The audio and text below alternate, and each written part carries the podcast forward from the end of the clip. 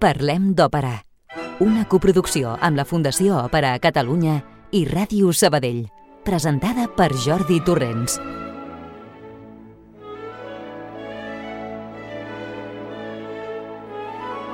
Bona nit a tothom, esteu bé? Esperem que sí i amb moltes ganes d'escoltar un nou programa de Parlem d'Òpera, eh que sí?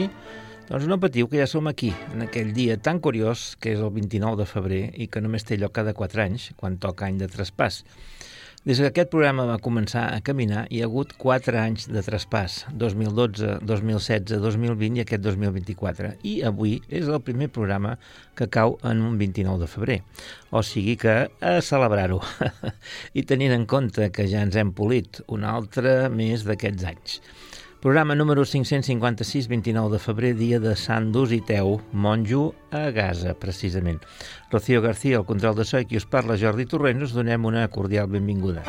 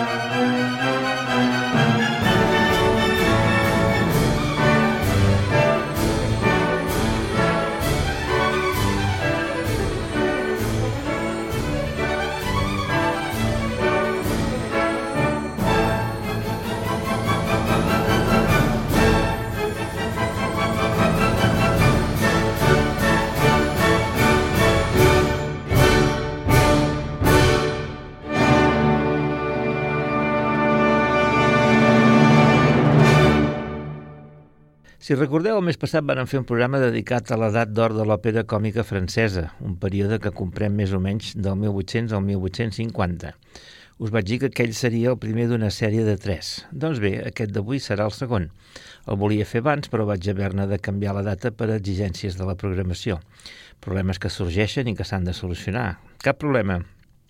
Avui l'edat d'or de l'òpera còmica francesa 2.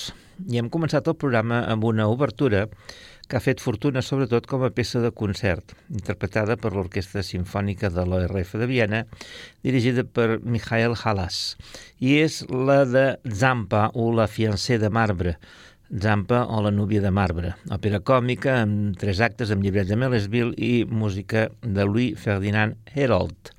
Estrenada a l'Òpera Còmic de París, aleshores a la Sal Ventadura, el 3 de maig de 1831. Una òpera que fou popular en el seu moment, però que va acabar caient del repertori.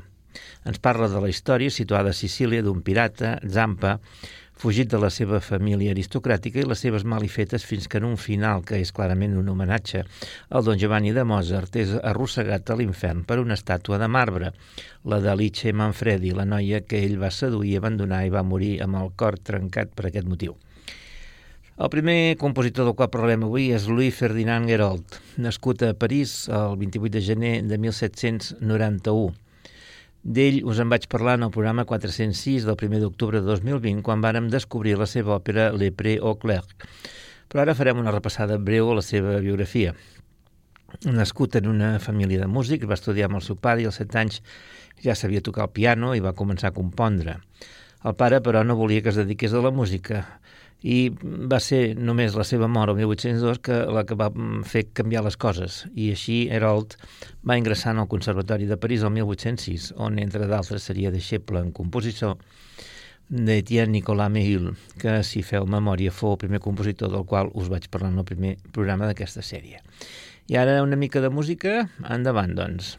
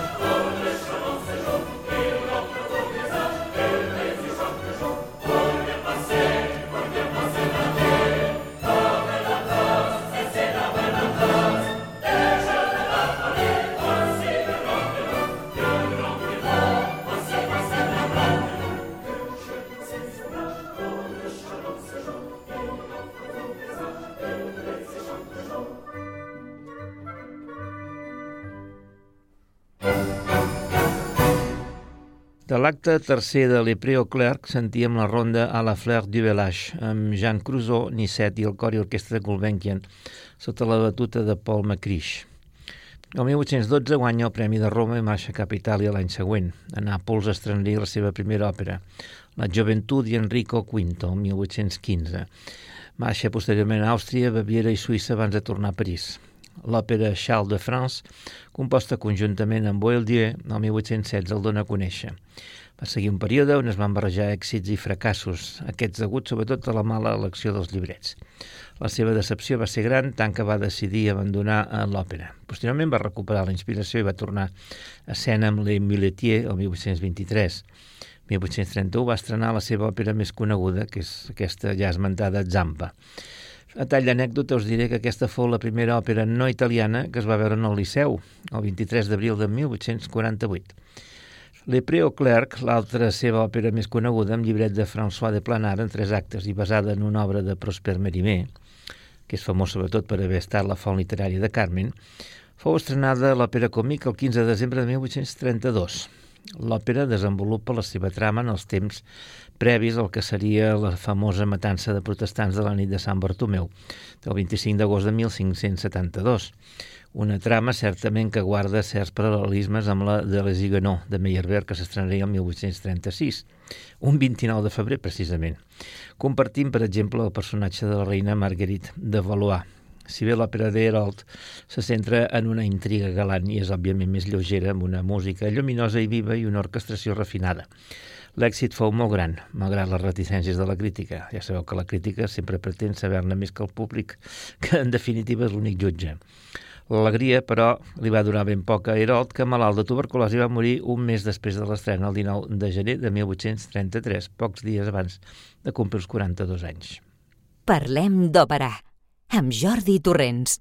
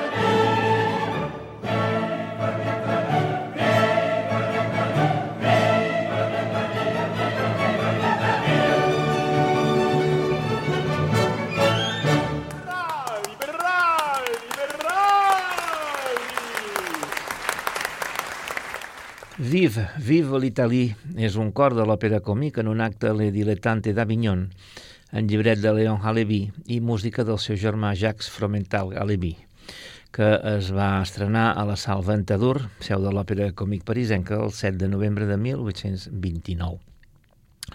Aquesta deliciosa òpera és una sàtira sobre la música italiana i va obtenir una bona acollida de la crítica, sent al mateix temps el primer èxit popular del compositor, obtenint fins a 119 representacions.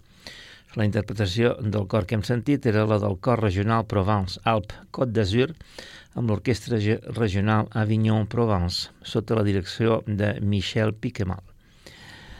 Parlarem ara, doncs, de Fromental Halevi, que també va protagonitzar un programa dedicat en exclusiva a la seva figura, el 490 del 22 de setembre de 2022. Halevi va conrear tant l'òpera còmica com la gran òpera i avui en dia és recordat bàsicament per la seva òpera La Juif, gran òpera, una de les més importants del segle XIX francès. Anecdòticament fou el sogre de Bizet, però quan la seva filla Geneviève s'hi va casar ell ja havia mort set anys abans.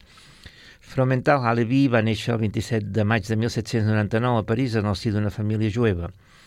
Molt jovenet va entrar al Conservatori de París on fou deixeble, entre d'altres, de Meil i després de Cherubini l'ensenyament sever i estricte del qual és fàcilment assimilat pel jovenet Alevi, que aviat passarà a ser l'alumne predilecte i protegit del compositor italià. El 1819 guanya el Premi de Roma, marxant el 1820 cap a aquesta ciutat. Passa temps a Nàpols i després a Viena, on visita Beethoven en diverses ocasions, a qui admira. Torna a París el 1822. El 1827, mentre treballava en el teatre italià, és nomenat professor d'harmonia del Conservatori mateix any en què estrena la seva primera òpera, l'òpera còmic, L'Artisan, amb èxit molt modest. La seva oportunitat arriba l'any següent quan la famosa soprano Maria Malibran li demana compondre una òpera per ella, que fou Clarí, un relatiu fracàs malgrat les crítiques elogioses. La següent de les seves creacions fou Le Dilettante d'Avignon, el que hem sentit abans. Per l'any 1835 L'Òpera de París li fa l'encàrrec de compondre una gran òpera amb llibret de Jean Scrip, el gran llibretista francès de l'època, i aquest, el resultat fou La Juif, l'òpera més famosa d'Alevi i probablement el cim d'aquest subgènere operístic, eh? la, la gran òpera amb permís de Meyerbeer, clar. Avui en dia es fa molt poc, però es fa, per bé que gairebé sempre retallada. L'estrena va tenir lloc el 23 de febrer del 1835. El mateix any recull un gran èxit a l'òpera còmica amb l'Eclair, que fou una òpera molt popular durant el segle XIX, però que en el XX va anar caient en l'oblit. I vist l'èxit de la Juif, l'òpera de París li va encarregar una altra obra que fou Guido e Ginebra, estrenada el 1838, que fou ben acollida, però lluny de l'èxit de l'òpera precedent.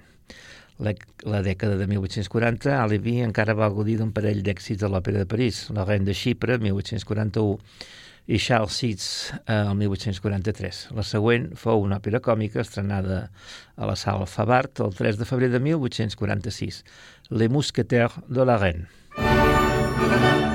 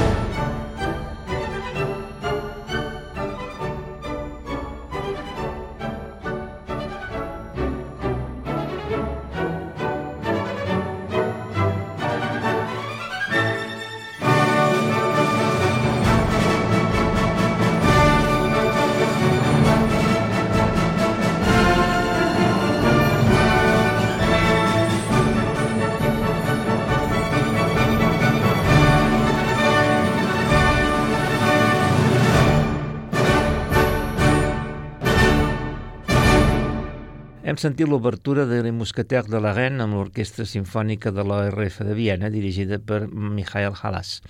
Aquesta òpera, amb llibret de Vernois de Saint-Georges i que fou força exitosa, s'havia de titular Une Nuit Blanche. Però quan ja s'assajaven al teatre, el director el compositor van saber que en el teatre de Varieté s'anava a presentar una obra del mateix títol d'un compositor menor i aleshores li van canviar el títol per Les Mousquetaires de la Reine, una mica de forma oportunista també aprofitant l'onada del gran èxit obtingut per la famosa novel·la d'Alexandre Dumas, Els Tres Mosqueters, el 1844. És una història galant, una mica ximpleta, d'amors entre mosqueters i dames d'honor de la reina Anna d'Àustria. Duels i qüestions d'honor. Bestieses molt del gust dels francesos, eh? Una altra òpera còmic d'Aliviv, estrenada el 1848 i que fou un dels seus èxits més grans, amb 165 representacions, fou Le Val d'Andorre, un títol que em fa molta gràcia, sobretot perquè jo vaig viure també una temporada a Andorra, dos anys i mig, una òpera que té lloc en el nostre veí, el país dels Pirineus. No falta de res, eh? No fa gaire, potser poc més d'un any, fou rescatada en una representació a piano, això sí, a Sant Julià de Lòria s'hauria de fer un esforç una mica més gran per representar-la amb orquestra. Le Juif Ferrand del 1852 fou la penúltima gran òpera de Halevi, representada amb un luxe extraordinari i nombrosos efectes escènics que culminen en el, en el darrer quadre amb ni més ni menys que l'escena del judici final. Jo de la gran òpera era ben bé a veure qui la feia més grossa, eh? L'última fou La Magicienne, de 1858 Uh, última, també, òpera completada pel compositor. Abans, però, va estrenar en el Teatre Líric de París el 14 de maig de 1855 una òpera còmica en tres actes de nom Jaguarita l'Endien, una història exòtica, com es pot deduir del nom, situada a la Guayana holandesa i que més eh, va servir el 1856 per la reinauguració del Teatre de la Moneda de Brussel·les. Sentim-ne un fragment.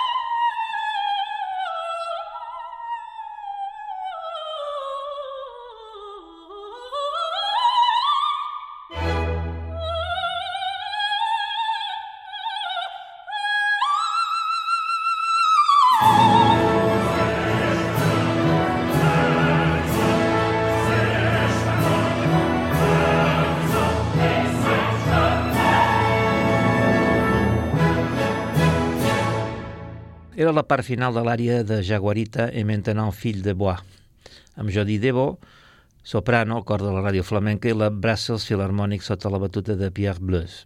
En total, Fromental Halevi va compondre 36 òperes, de les quals avui en dia només es representa, i encara no pas gaire, la Juif. Però us diré que per mi, només per aquesta òpera, el compositor mereix un lloc d'honor en la història del gènere.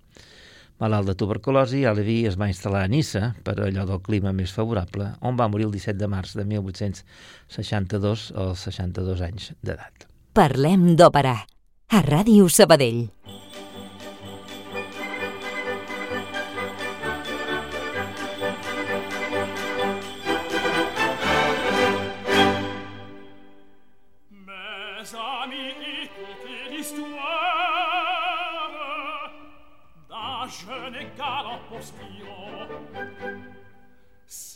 est véridique, on peut m'en croire, et connu de tout le canton. Quand il passait dans un village, tout le beau sexe était ravi, et le cœur de la plus sauvage galopait en groupe avec lui. Oh,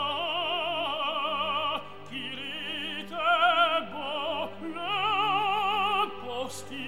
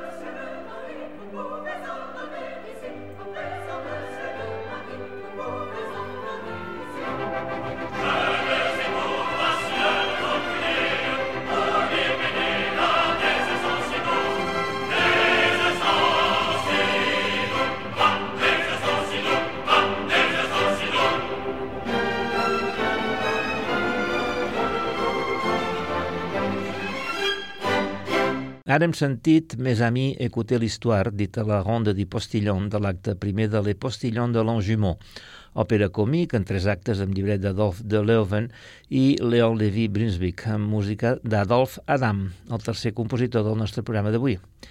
Aquesta òpera, relativament coneguda a casa nostra, es va estrenar l'òpera còmic aleshores de la Sal de la Bourse el 13 d'octubre de 1836. La interpretació ha anat a càrrec del tenor John Ayler, l'ensemble coral Jean Laforge i l'Orquestra Filarmònica de Monte Carlo sent el director Thomas Fulton. Adolf Adam va néixer a París el 24 de juliol de 1803, fill d'un compositor i professor de piano del Conservatori Jean-Louis Adam. Va començar a aprendre lliçons de música d'amagat del seu pare i el 1817 ingressava en el Conservatori, on fou alumne de Boieldieu. Mentre estudiava, les nits treballava a l'orquestra del gimnàs, que era un teatre de París on, diguéssim, entrenaven els estudiants del conservatori, al mateix temps que componia cançons de vaudeville i música de circumstàncies per a tercers. Amb tot això va anar adquirint ofici i el 1825 va ser guardonat amb el segon Premi de Roma. El primer, el Premi de Roma pròpiament dit, no el va rebre mai. Adam, en definitiva, va triar ser compositor per l'escena i el seu mestre Boieldieu, recordeu que fou un dels tres compositors del primer episodi d'aquesta sèrie dedicada a l'edat d'or de l'òpera còmica francesa, el va orientar cap a l'òpera còmic. La seva primera obra destacada en aquest gènere fou Pierre Catherine, la seva tercera òpera estrenada el 6 de gener de 1829. El 1832 va passar un temps a Londres, on estrenaria un parell d'òperes a Covent Garden. El que es pot considerar el seu primer gran èxit, però, és Les Chalet, estrenada a l'òpera còmica el 25 de setembre de 1834, un argument basat en una obra de Goethe. Encara avui en dia, Les Chalet és l'obra d'Adam més popular a França, si bé fa temps que no es representa. Poc més de dos anys després va venir Le Postillon de Longjumeau, un gran èxit també. Segons el propi compositor, les seves memòries va anar més enllà de les seves expectatives i el qualifica de obro cometes, veritable triomf, tanco cometes. Aquesta obra es va deixar de fer pràcticament a França durant el segle XX i no fou fins al 2019 que la Sal Favar la va tornar a produir. La reputació d'Adam va créixer per arreu i fou convidat a Rússia, on de tota manera va refusar el càrrec de mestre de capella de la cort. De tornada a París, l'òpera estrena l'obra per la qual és més recordat avui en dia, que és el ballet Giselle, el 1841 el 1847, Adam es va barallar amb la direcció de l'Òpera Còmic i va instigar la creació del Teatre Nacional, instal·lat en el Teatre du Cirque, on va invertir els seus diners. Per la Revolució de 1848 va arruïnar el projecte i el teatre fou clausurat. Adam, carregat de deutes, es va haver de dedicar a escriure articles a fi efecte d'anar-les pagant. L'any següent va succeir el seu pare, que havia mort el 8 d'abril de 1848, com a professor de piano del conservatori. Després vindrien els tres darrers èxits més notoris del compositor. Dues òperes còmiques, de les quals sentirem música a continuació, i un ballet, Le Corsaire, estrenat el 23 de gener de 1856 a l'Òpera de París. Ja sentim música de la primera d'aquestes òperes i després us explico.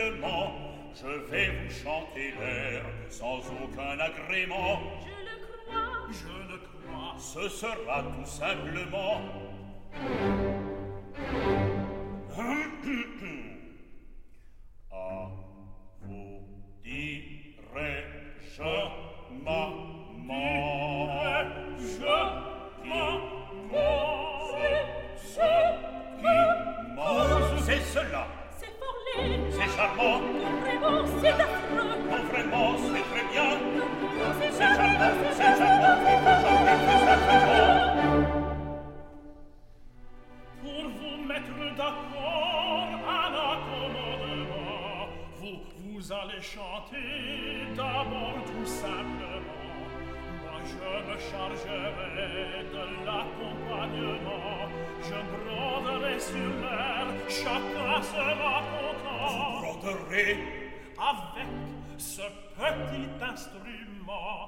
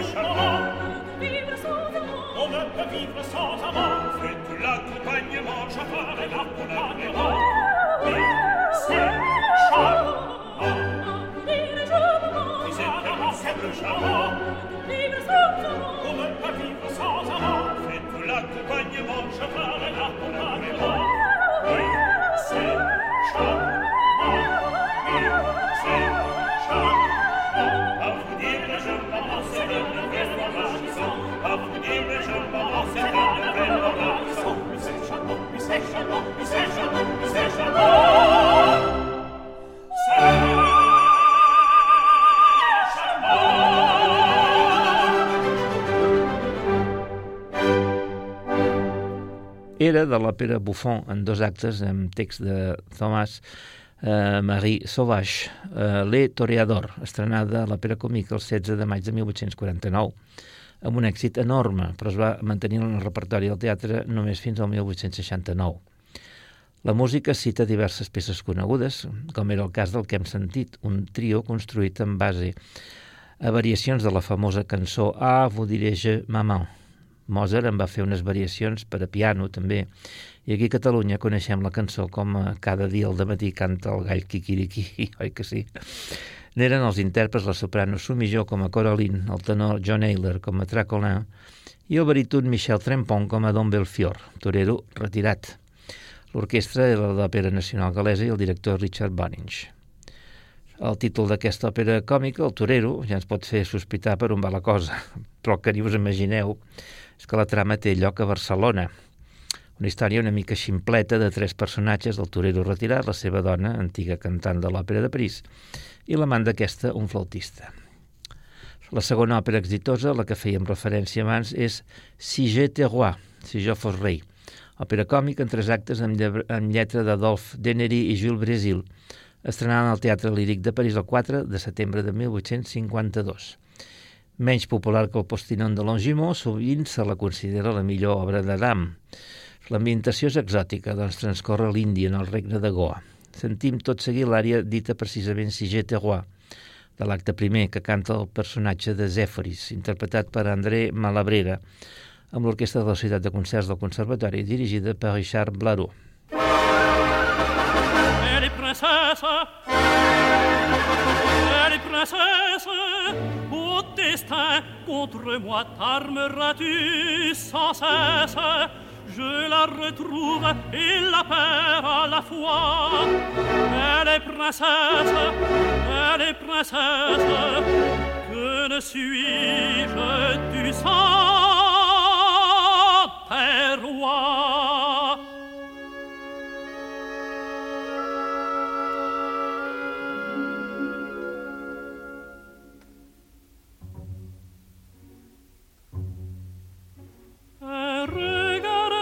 ses yeux viendrait finir ma peine. Si j'étais roi, je serais à ses pieds et bénirais ma chaîne. Si j'étais roi, des plus ardents rivaux, je défierais la haine.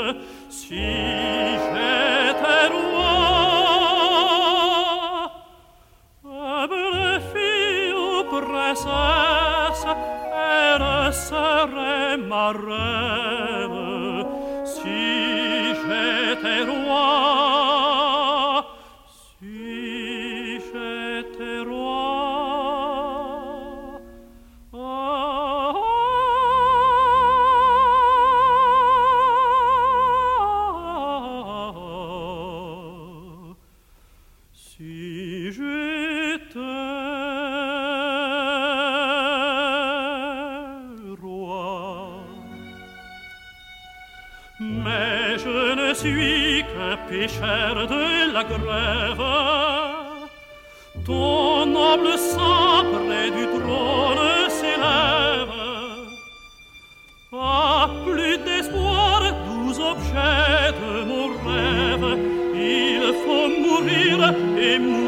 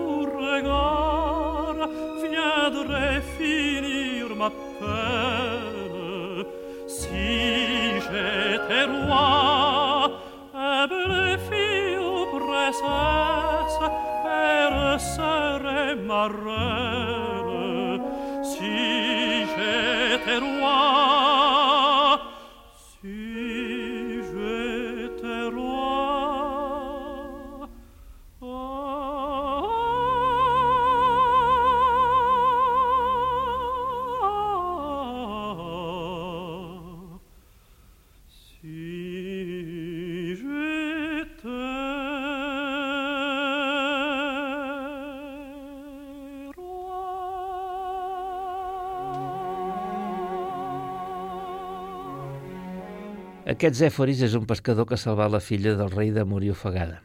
Escriu sobre la sorra de la platja aquesta frase màgica, si j'étais roi. El rei i la seva filla el troben adormit i el rei ordena que el droguin i el portin a palau perquè sigui rei per un dia. Quan es desperta, el pescador es pren seriosament això de ser rei i pren algunes mesures encertades. Però quan es presenta la princesa com el seu salvador i prenent el peu de la lletra el que aquesta havia dit al seu pare, si vol casar, és novament drogat i el seu regne s'acaba. Quan Zèforis es desperta de nou a l'acte tercer, creu tornar-se boig quan apareix la princesa i li explica el que ha passat. Arriba Cadur, un parent del rei que pretén la princesa i, a més, és còmplice dels portuguesos que volen conquerir Goa i vol matar el pescador, però la princesa intervé a temps. El rei apareix furiós perquè els seus vaixells han tornat a Goa per un ordre del rei per un dia. Però el pescador s'explica. Ha sabut que Cador enviava missatges als portuguesos i ha fet tornar l'armada per defendre Goa. El rei, al final, accepta el matrimoni de la seva filla i el pescador. Eh, que bonic! El 29 d'abril de 1856, Adolfadam va estrenar la seva última òpera, Le Pantin de Violet. Només quatre dies després, el 3 de maig, moria a París a l'edat de 52 anys. Fins aquí hem arribat amb aquest segon programa sobre l'edat d'or de l'òpera còmica francesa. Recordeu que queda encara un tercer. Aquí ho deixem per avui, no sense abans sentir un breu fragment orquestral, que és l'intermedi entre els actes primer i segon de Si j'étais roi. Adéu-siau i fins dijous que ve.